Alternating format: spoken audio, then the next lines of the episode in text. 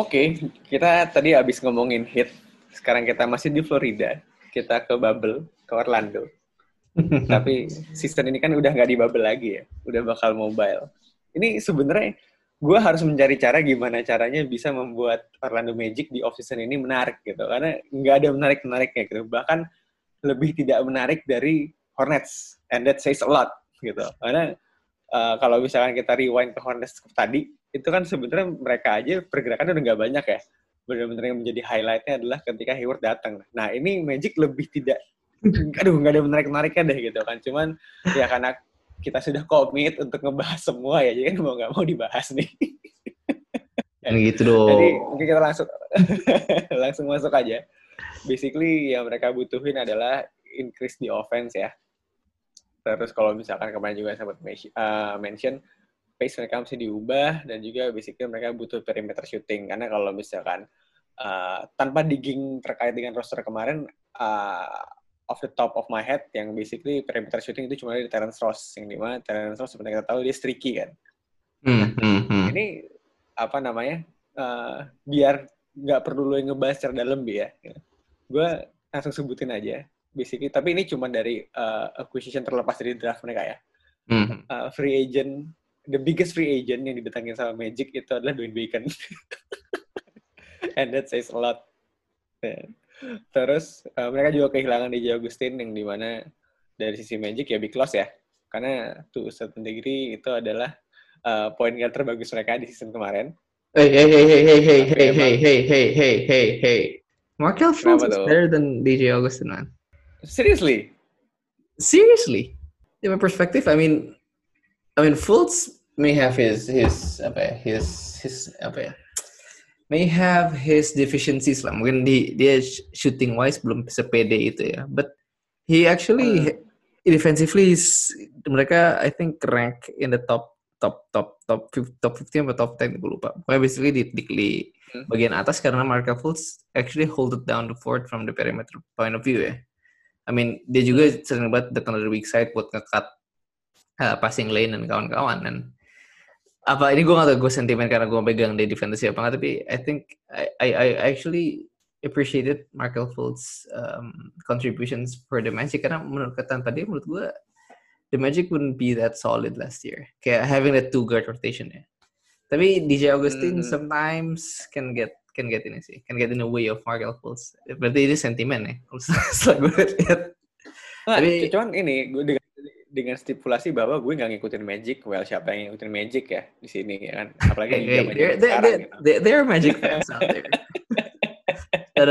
Cuman maksud gue adalah cuman maksud gue adalah gue bukan yang nonton banget gitu kan, or even nonton malah. Maksudnya, tapi ya gue tahu Fultz maksudnya uh, masih muda gitu kan, yang di mana ceilingnya jelas jauh lebih tinggi dibanding Augustin gitu kan. Maksudnya Augustin veteran yang di mana dia uh, apa namanya sampai di titik sekarang karena bisa pengalaman dia kan.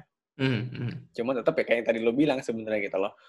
Uh, ada di beberapa titik yang di mana terlihat lebih flashy Augustin gitu.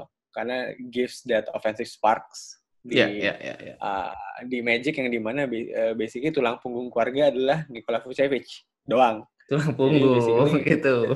Dan dan dan dan kadang-kadang apa namanya in and out ya Terence Ross gitu. Basically that second or third person udah pasti 70% of the time di Augustin karena kita tahu Markel Fultz offensive side uh, offensive game-nya bisa dibilang masih belum well polished lah gitu kan dia masih masih trying to sort several things out mm-hmm. cuman ya lagi menurut gue pribadi mungkin nanti kita akan bahas lebih dalam sebenarnya ya season ini bakal jadi season yang bagus buat Fultz juga gitu loh tambah lagi juga dengan kondisi sekarang mungkin gue agak agak nyentuh dikit ya tidak nggak ada ekspektasi lah ya kan Nah, cuman hmm. tadi sempat kepotong nih. Kita ngomongin nyentuh sedikit sama rosternya dan uh, office tadi yang gue sempat bilang kalau misalkan free agents yang paling yang paling punya nama lah yang didatengin cuma Dwayne Bacon. Soalnya mereka menurut gue pribadi they scored quite big di drafting Cole Anthony. Uh, nah, okay. seperti yang kita juga udah sempat mention di uh, draft draft review ya. Kalau misalkan Cole Anthony salah satu pemain yang gue tahu di draft karena suka nongol di Instagram. suka ikut main pick up games bareng pemain-pemain NBA yang lain gitu kan. Boys life ya, boys life. Boys life, yoi. Boys life family. yoi.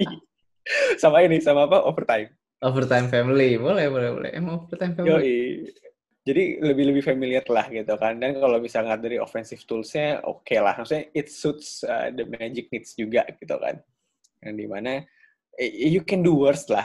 Maksudnya at pick number 15, Cole Anthony is a very very good pick in my opinion gitu kan. Cuman mm. regarding dari off-season moves nih gitu, gue udah ngomong cukup banyak. Lu gimana Bi ngeliatnya Bi?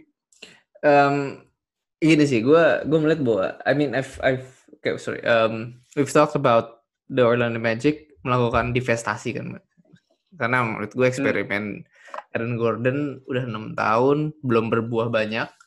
I mean, he has potential dan kawan-kawan, berarti bahkan orang itu nggak bisa mendatangkan piala slam dunk champion ke Orlando.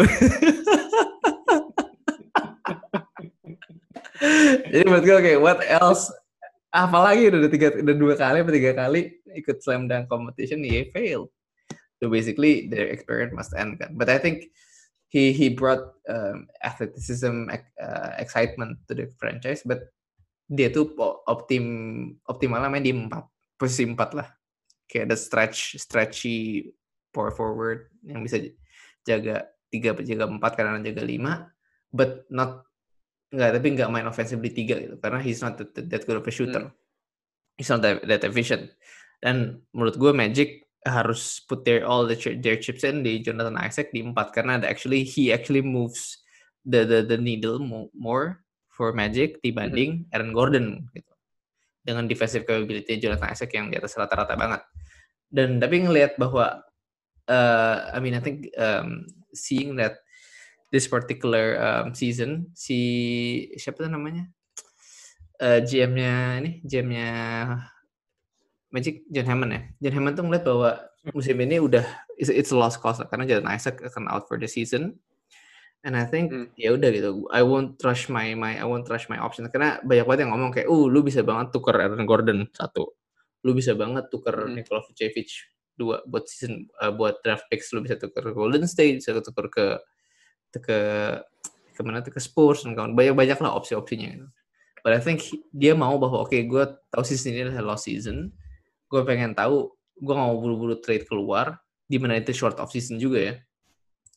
Mm. And then I, I I want to get my my, my the, the fullest value buat dua pemain ini gitu loh. Dan menurut gue gue gak akan kaget kalau misalnya nanti di tengah-tengah season dengan Aaron Gordon bisa main fully 4, dengan uh, Nikola Vucevic juga udah bisa ngejel dengan dengan dengan pemain barunya yang kayak Mark, bukan uh, dengan pemain mudanya kayak Markel Fultz and also um, kayak the last year of Evan Fournier's contract dan kawan-kawan kalau mereka bisa dapat full the full val atau more value for the in return buat trading mereka why not gitu so I think it, this is really good good apa ya good and steady move dari John Hammond dia lebih sabar dan kawan-kawan ya kalau misalnya kita lihat uh, in foresight ya, maksudnya cuman dengan based on apa yang dilakukan sebenarnya kan seperti tidak melakukan apa-apa ya.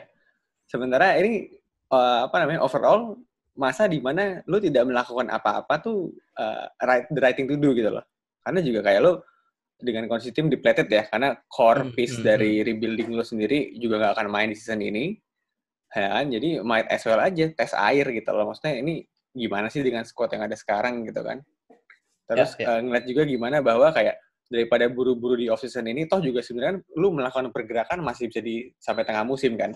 Yang di mana dalam kondisi uh, sekarang juga pasti tadi kayak lo bilang gitu loh, mereka bakal bakal exploit abis-abisan Aaron Gordon sama Vucevic karena menurut gue pribadi kalau misalkan di mana mau ngejual mereka ya ini momen paling tepat yang di mana gue akan akan menyebutkan ini kembali entah keberapa ratus kalinya ya status quo di NBA hmm. yang di mana buat beberapa franchise the likes of Fuchs and even Gordon ya hmm. uh, to give him some credits gitu loh can move the needle buat beberapa franchise yang di mana mungkin nanti di pertengahan season who knows ketika udah mulai kelihatan mapnya gimana kan kayak oh dari masing-masing franchise sebenarnya kita yang butuh gimana sih nggak kaget kalau misalkan dua nama itu baru bergerak di tengah musim Yeah, Jadi yeah. kayak bener-bener dengan dengan kondisi sekarang ya John Hammond did the right thing gitu loh. Ya gue nggak perlu buru-buru kok.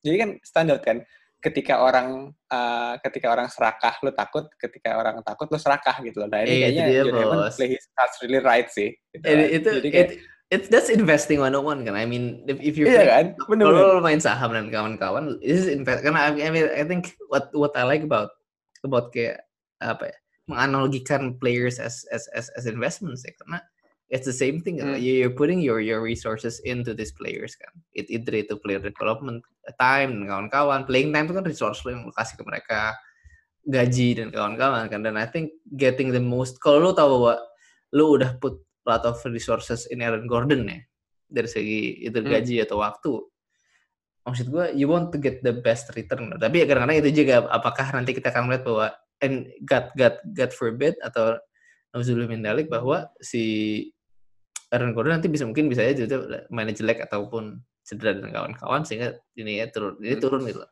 But I kalaupun itu turun, I really still like the move of holding for a bit karena again lu nggak tahu um, how how long Jonathan Isaac will, will be out. Karena that, that knee actually was Yeah, yeah. injured twice in, in in a short time of uh, in a short period kan di periode yang yang yang cukup Mhm. berdekatan dekatan gitu berdekatan.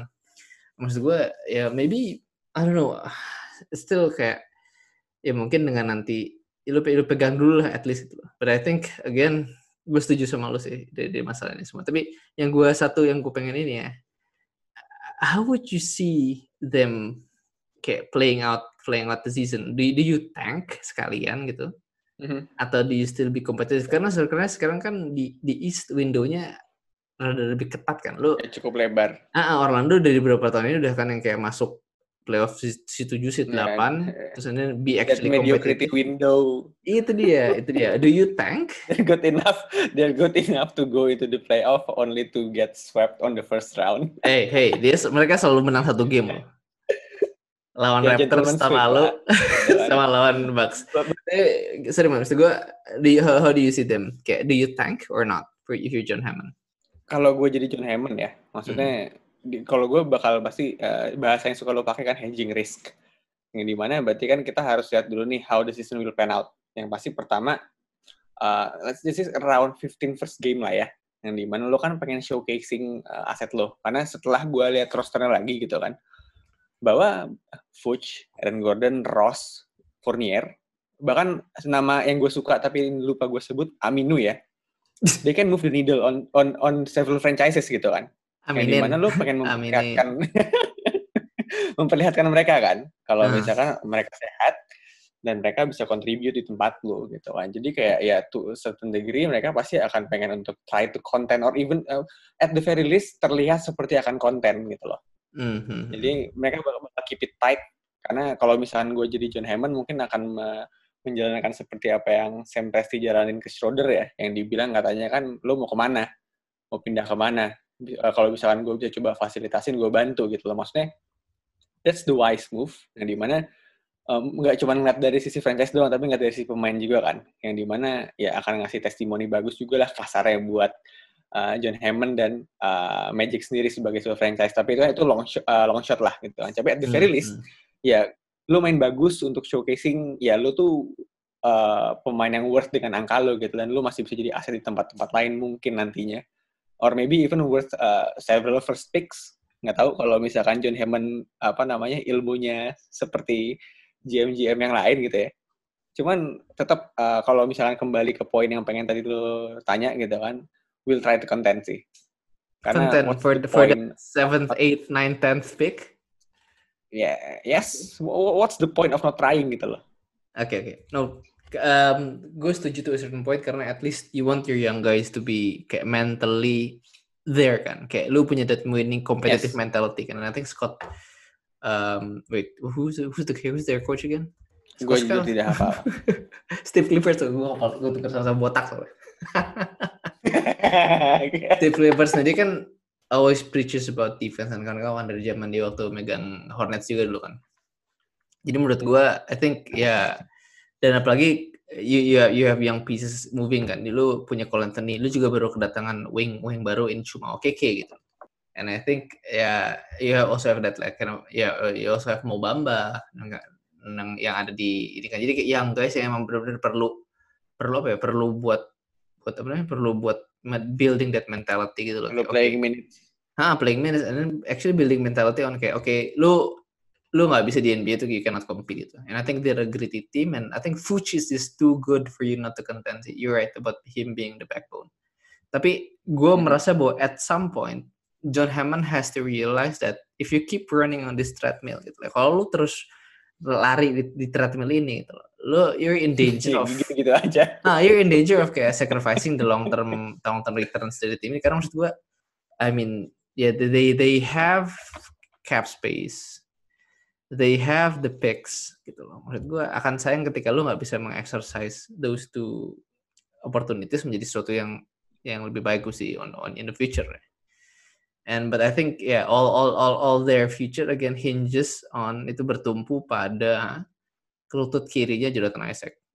Kalau emang lutut hmm. kiri itu udah ancwa, maksud gue udah dua kali kena in different ini in different uh, structural damage dan maksud gue hmm. as a defensive player kan I mean okay Jonathan Isaac has the length dan kawan-kawan but I think once they have word tapi bahwa, tetap ada that athleticism iya itu dia maksud gue once they have word bahwa Jonathan Isaac nggak akan seperti dirinya dulu, dulu yang dulu lagi gitu loh bahkan at around hmm. 70% atau 80% pun nggak nyampe I think it's time to pull the plug sih um, karena they have a lot of decisions coming in in the future kayak extensionnya yes. Akel Fultz dan kawan-kawan gitu loh bahkan Jonathan Isaac extension itu uh, apa namanya tuh tahun ini kan tahun eh tahun, tahun mm -hmm. depan tuh bareng Fultz end of next season end of next season end of ya yeah, end of next season sorry eh di season di season sorry Iya, yeah, end of this eh, season. Dua satu dua dua. Ya benar benar.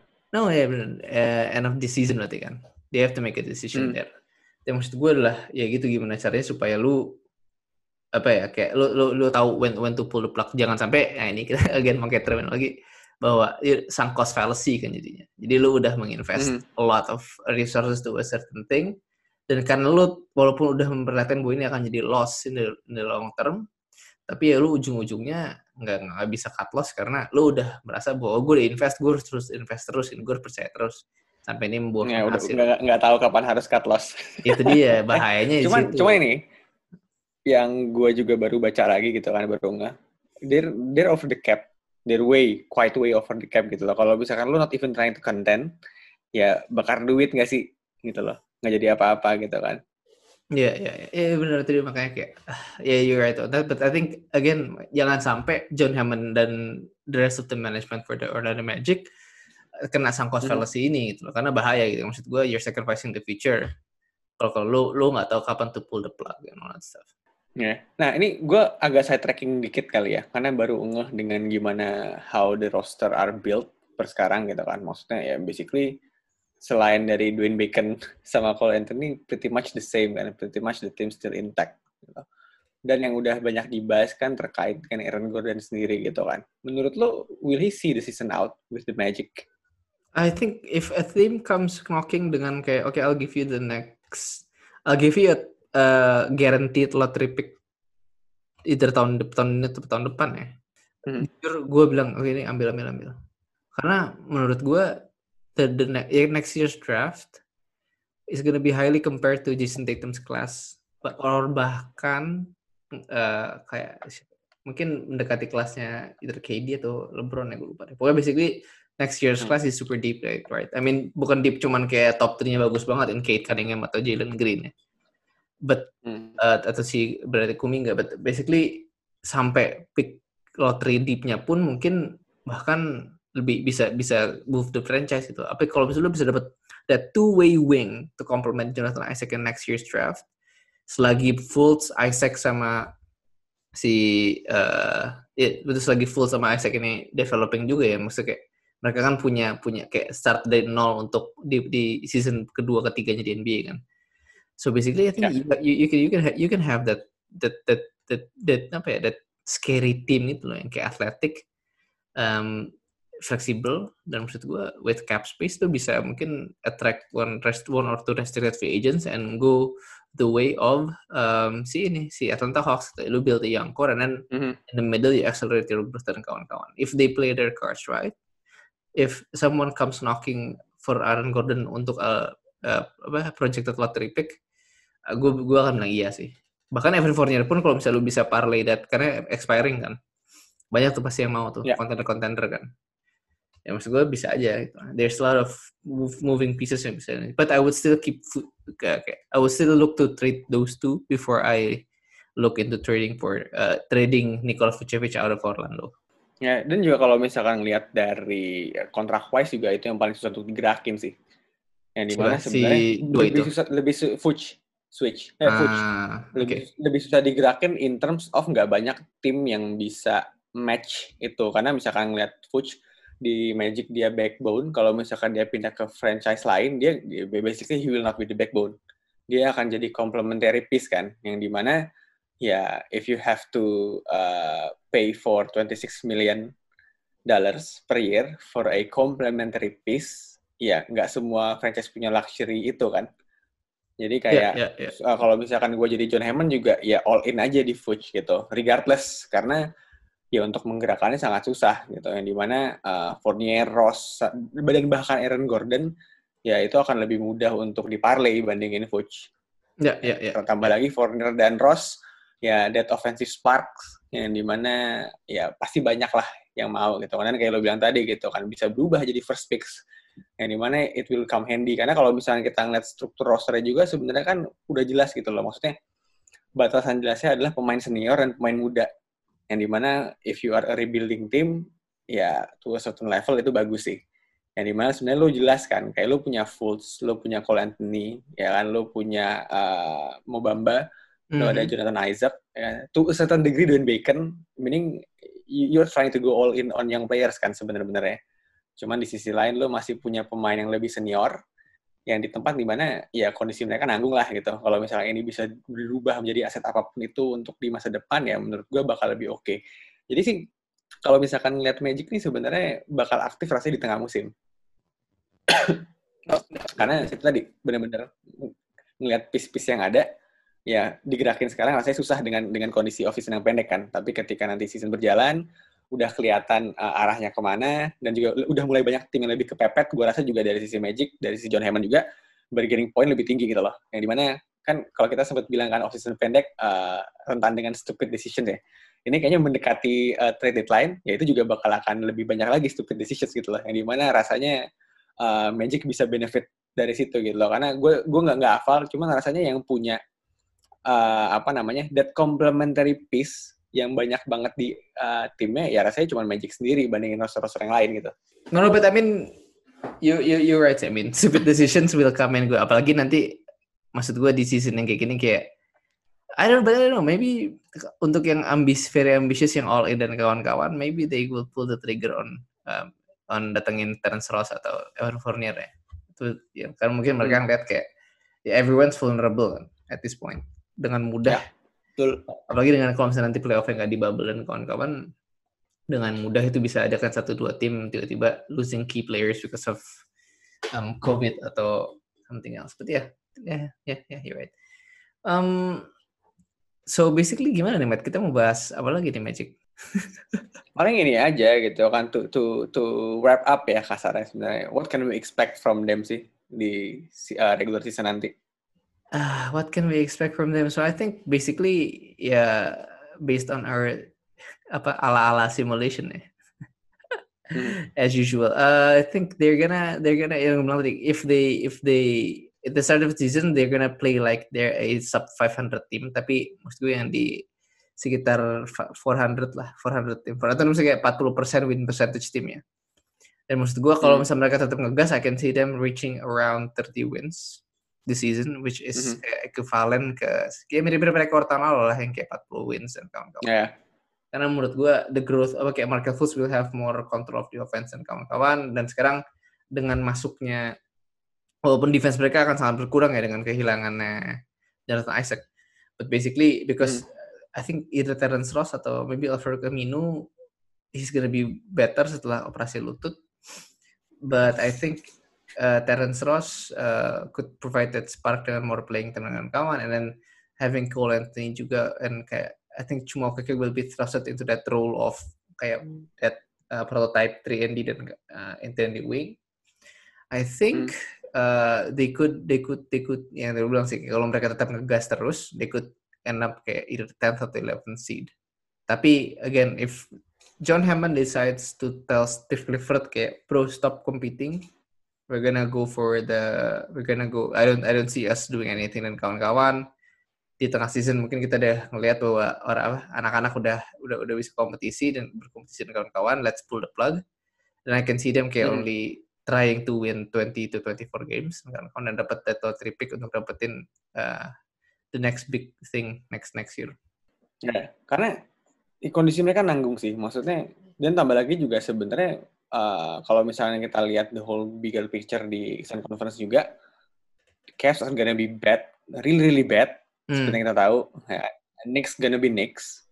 Yang di mana based on uh, Pistons juga nggak bakal sebagus itu gitu kan. Maksudnya based on tiga tim itu aja gitu kan. Rasanya Magic juga gua apa sejelek-jeleknya at least 12 yang di mana kalau misalnya kita lihat yang lagi tadi squad masih sama they're not gonna be that 12 seat kan? Maksudnya mereka akan lebih dekat ke that playoff picture gitu. Tambah lagi dengan adanya play in gitu. Jadi kayak kondisinya benar-benar super nanggung. Lu nggak konten mau jelek juga tim-tim lain lebih jelek lagi kan? Hmm, hmm, tapi lu hmm, mau konten juga sebenarnya ya jauh lebih banyak yang di atas lu gitu. Jadi kayak bener-bener kondisinya sangat nanggung. Tapi gue setuju yang lo bilang sih gitu. Kayak yang di mana si out through the season gimana. Kalau misalkan udah ketahuan oh ya udah uh, don't even bother buat give the effort to try to get into the play in even gitu kan. Ya udah tarik semua mainin yang muda semua gitu kan. Tapi hmm. ya basically itu sih. Maksudnya agak-agak agak tidak seclear cut. Kemarin kita ngomongin Hornets ya kan. Agak tidak seclear cut kita ngomongin Hawks agak tidak seclear kita ngomongin hit gitu kan. Ini bener-bener kita mesti lihat dulu ya kan uh, di game-game awal seperti apa gimana mereka main gimana dengan uh, adanya Dwayne Bacon enggak deh dengan adanya uh, Cole Anthony. Gimana dinamikanya berubah gitu kan. Dan berapa lama uh, the likes of Fournier, Ross dan uh, Aaron Gordon itu bakal bertahan di sana gitu. Karena gue pribadi sih ngeliat, gue nggak ngeliat uh, dua dari tiga nama itu akan ada di Orlando by the end of trade deadline di tengah season gitu. It yeah, it, that might that might happen, that might happen. Ya, ya, ya, ya. Oke, mungkin sekarang kita geser aja ya, karena sebenarnya udah nggak tahu mau ngomongin apa soal Magic. Nggak, nggak, nggak gitu banyak gerakan kita udah tahu kapasitasnya seperti apa, udah dapat gambaran juga sebenarnya mereka bakal kayak gimana gitu kan. Tapi let's look into the bigger picture gitu kan. Lo kan lu tadi juga sempat mention soal extension terkait dengan uh, the future of the franchise gimana gitu kan. Nah, based on dari uh, their salary structure nih gitu kan. Mm-hmm. Sampai dengan season 2023 gitu kan. How will they fare? Um, mereka akan cukup ini sih. There they have a couple of a couple they have flexibility karena I think yang tidak bilang juga uh, kontrak Evan Fournier akan habis tahun ini.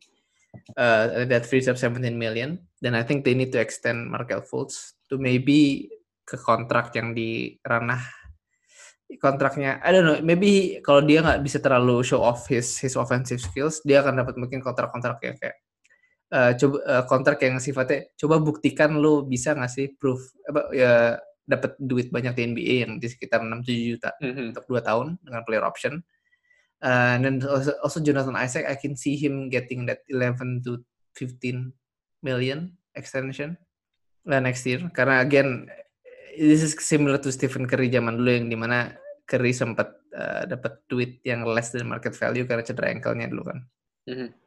Right, so basically getting that particular in the in the, in the low teens dan kawan-kawan nggak akan semahal Jeremy Grant ya. Kalau kalau misalnya Isaac sehat, he can actually get Jeremy Grant type of money gitu, 20 million dan kayak dengan dengan offensive growth yang yang kalau bisa dilihat cuman again he's injured dan kawan-kawan. So basically next year mereka commit that kind of money and then basically don't try to make stupid moves and kawan-kawan. If there's any good free agents, young free agents, you can get them. But again, wait out for that next season, next off season di tahun 2022 karena itu di mana kontrak Aaron Gordon habis dan lu akhirnya lepas dari kontraknya Alvaro Camino kan dan actually di situ juga lu harus hmm. punya decision buat apakah lu mau extend mau Bamba nah, karena mau Bamba actually again another project yang kalau lu ngeliat trennya orang Magic tuh ngomong segitu gue lupa di grup sih but I think I think one of their fans.